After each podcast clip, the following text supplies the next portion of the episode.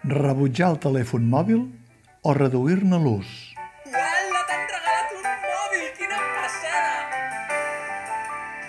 Tinc un mòbil, tinc un mòbil. No sé si als congressistes del Mobile World Congress els faria gaire gràcia la moralitat final d'aquest espectacle familiar que signa com a dramaturga Marta Butxaca i que xucla, en una versió molt lliure, alguns personatges d'Alícia al País de les Meravelles.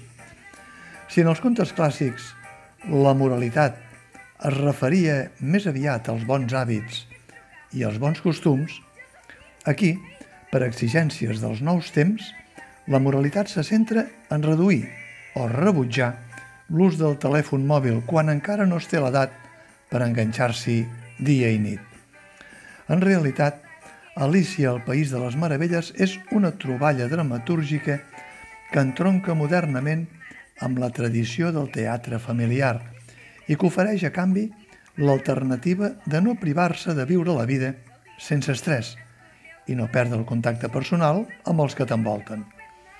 L'espectacle compta amb un suport tècnic i digital d'animació que supleix pràcticament l'escenografia i que li atorga una gran vivesa i fa també que no perdi en cap moment el ritme imprescindible per mantenir atents els petits espectadors als quals s'adreça. L'aventura comença en el moment que el personatge del conill blanc roba el mòbil a Alicia.